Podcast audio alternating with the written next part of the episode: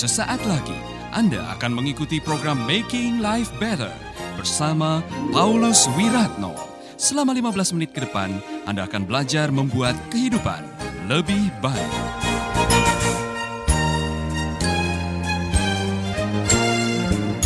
Bapak kami yakin kau hadir di sini. Kau juga hadir di rumah setiap sahabat kami yang sedang menonton maupun mendengarkan program ini. Kami selalu berterima kasih karena setiap hari kami diberi kesempatan mendengarkan kebenaran. Karena kebenaran itu yang membebaskan. Tuhan kami rindu kau mengurapi hambamu dan urapi semua sahabat-sahabat kami. Agar firman ini menjadi rema, kebenaran yang akan mengubahkan hidup kami. Berfirmanlah Tuhan, kami siap mendengar. Dan semua yang percaya mengatakan, amin, amin. Yang di studio silakan duduk. Salam untuk semua sahabat yang mendengarkan lewat jaringan radio Dian Mandiri yang bikin hidup lebih baik. Dan juga buat saudara-saudara yang nonton lewat uh, Facebook, live streaming. Selamat berjumpa lagi dengan Making Life Better. Dan saya bersyukur banyak saudara-saudara kita yang diberkati hampir mungkin setiap hari followernya uh, followernya naik 100 orang. Jadi sudah followernya sudah 112 ribu, saudara. Jadi saya menghargai saudara-saudara yang selama ini mengikuti program ini dan banyak yang diberkati. Nah saudara-saudara, saya rindu nanti untuk beberapa uh, minggu ke depan, setiap pagi ini ada kesaksian 5 menit yang bisa menolong saudara-saudara kita, bisa dari uh, yang di studio, bisa juga dari sahabat-sahabat kita yang uh, nonton online. Dan saya yakin kesaksian itu bisa menjadi berkat bagi kita semuanya. Amin. Pagi hari ini saya mau berkhotbah mengenai true goodness. Kebaikan yang benar. Ternyata yang dianggap baik atau apa yang di atas namakan kebaikan Saudara-saudara kadang-kadang juga tidak tulus sebagai kebaikan. Karena saya menemukan ada orang-orang yang pura-pura baik. Pernah ketemu dengan orang yang pura-pura baik dengan saudara? Wah ini pura-pura baik ya kan. Kelihatannya mau menolong saudara tapi justru mencelakakan saudara.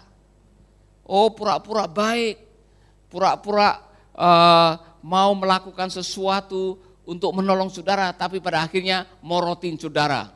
Atau bahkan mengambil harta saudara. Itu terjadi, saudara. Pura-pura baik. Ya kan? Tetapi pura-pura baik tentu saja itu bukan sebuah kebaikan. Nah saya mau mengajak saudara bagaimana belajar melakukan true goodness.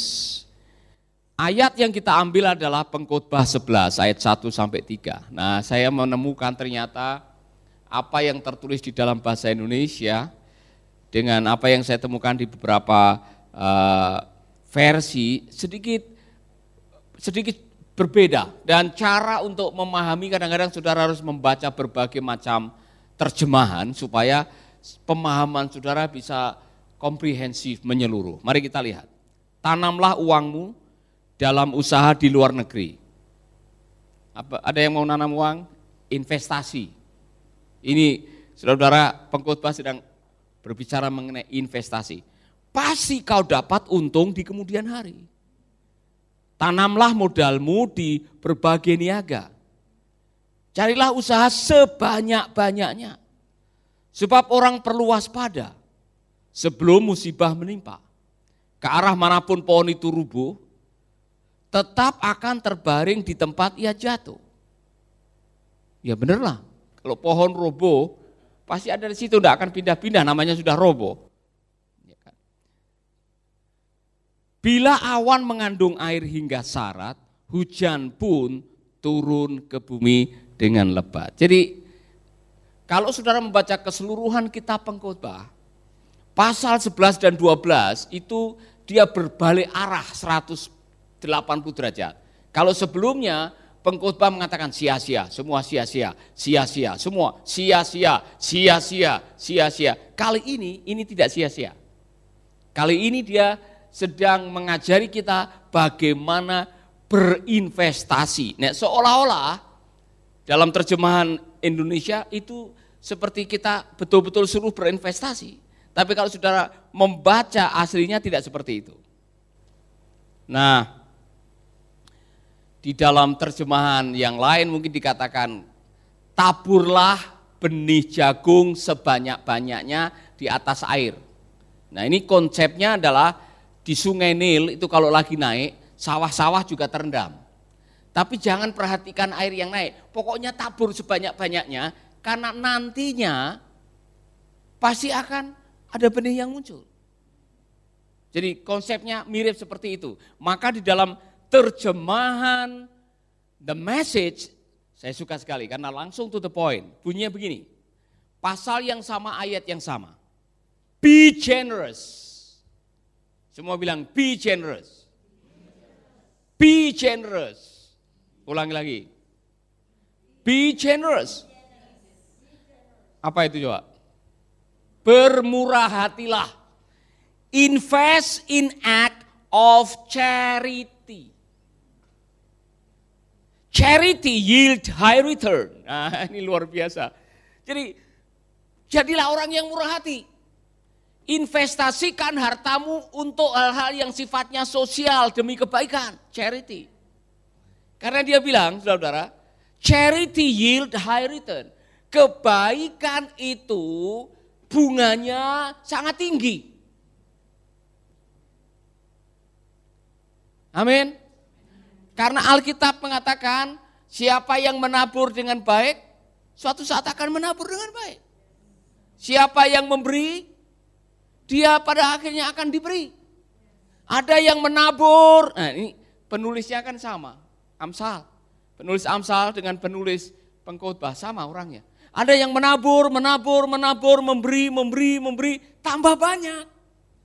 Ada yang menyimpan, menyimpan, menyimpan, tambah miskin. Nah saudara-saudara, pengkhotbah sedang mengajari kita bagaimana caranya menggunakan harta kita untuk investasi kekekalan. Anda masih bersama Paulus Wiratno di Making Life Better.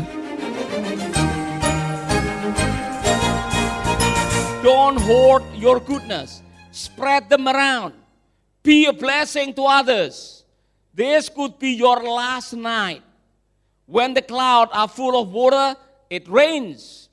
When the wind blows down at a tree, it lies where it falls. Dibilang begini, jangan men menjadi pelit, jangan hanya menyimpan hartamu. Spread them around. Taburlah ke mana-mana untuk kebaikan. Be a blessing to others. Jadi berkat bagi orang. Dan ada kalimatnya, this could be your last night. Mungkin hari ini adalah malam terakhir buat kamu. Daripada hartamu kau taruh di gudang kemudian dikunci, lebih baik sebelum kau mati hartamu kau tabur di mana-mana.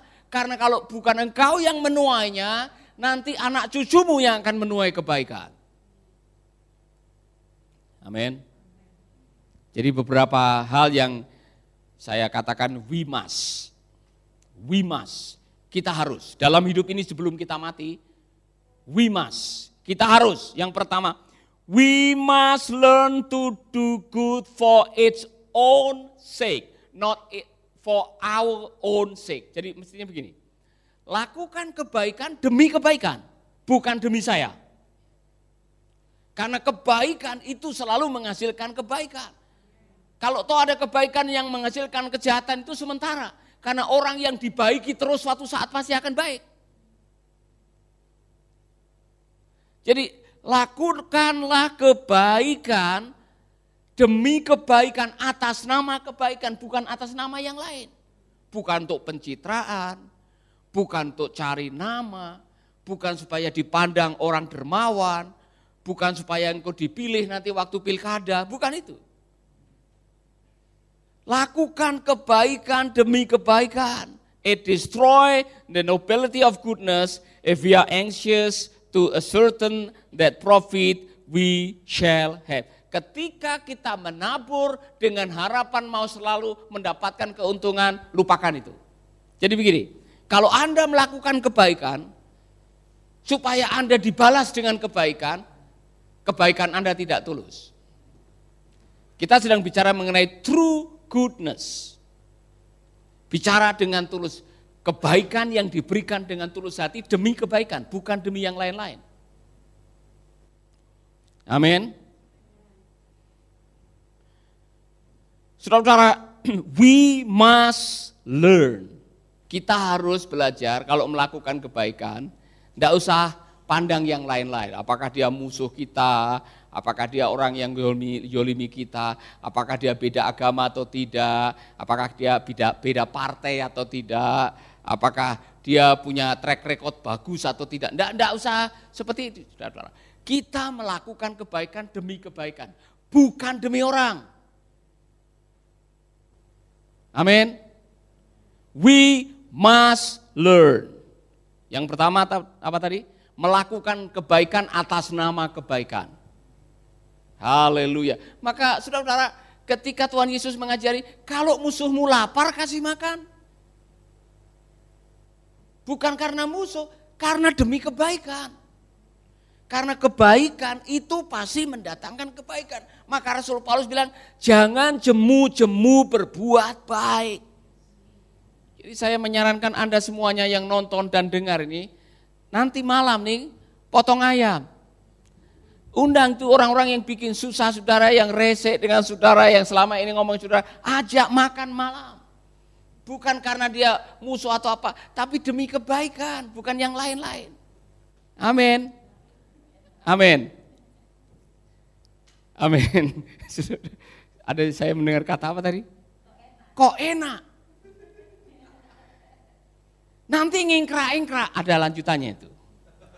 Ya kan? Kok enak nanti dia ngengkra-engkra. Artinya, weh kalau saya baikin nanti malah dia akan memanfaatkan saya lagi. No, no, no, no. Hukum Tuhan tidak seperti itu. Hukum Tuhan adalah ketika kita melakukan kebaikan, kebaikan itu sendiri yang akan melakukan pembalasan yang baik. Amin.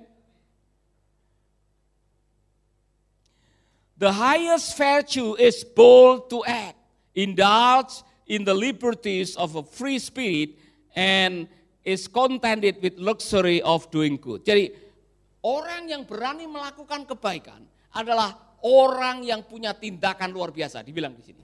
Ketika Anda berani melakukan kebaikan, tidak pandang bulu siapa orang yang akan menerima kebaikan dari saudara. Saudara sedang melakukan sebuah tindakan yang sangat luar biasa. Jadi, saudara-saudara belajar dari Mother Teresa. Dia melakukan bukan untuk pencitraan, dia melakukan bukan untuk mendapatkan hadiah Nobel, dia melakukan oleh karena dia sudah mendengarkan kebenaran bahwa kita ini dipanggil oleh Tuhan untuk melakukan kebaikan. Ujung-ujungnya Efesus 2 ayat 10.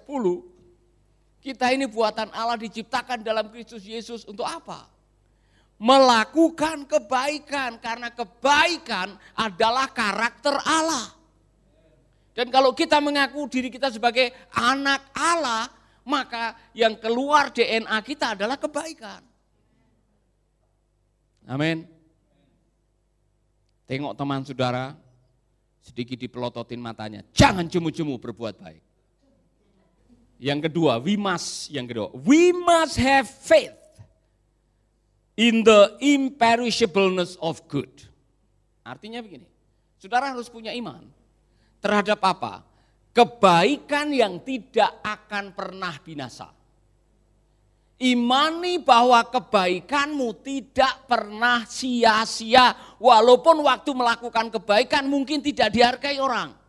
Karena kebaikan itu sendiri punya potensi untuk mendatangkan kebaikan dan melakukan kebaikan.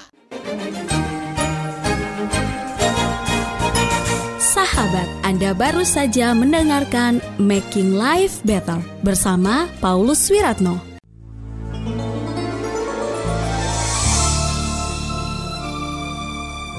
Keluarga Gracia, biarlah firman Tuhan selalu menjadi pelita dalam hidup kita sepanjang tahun ini.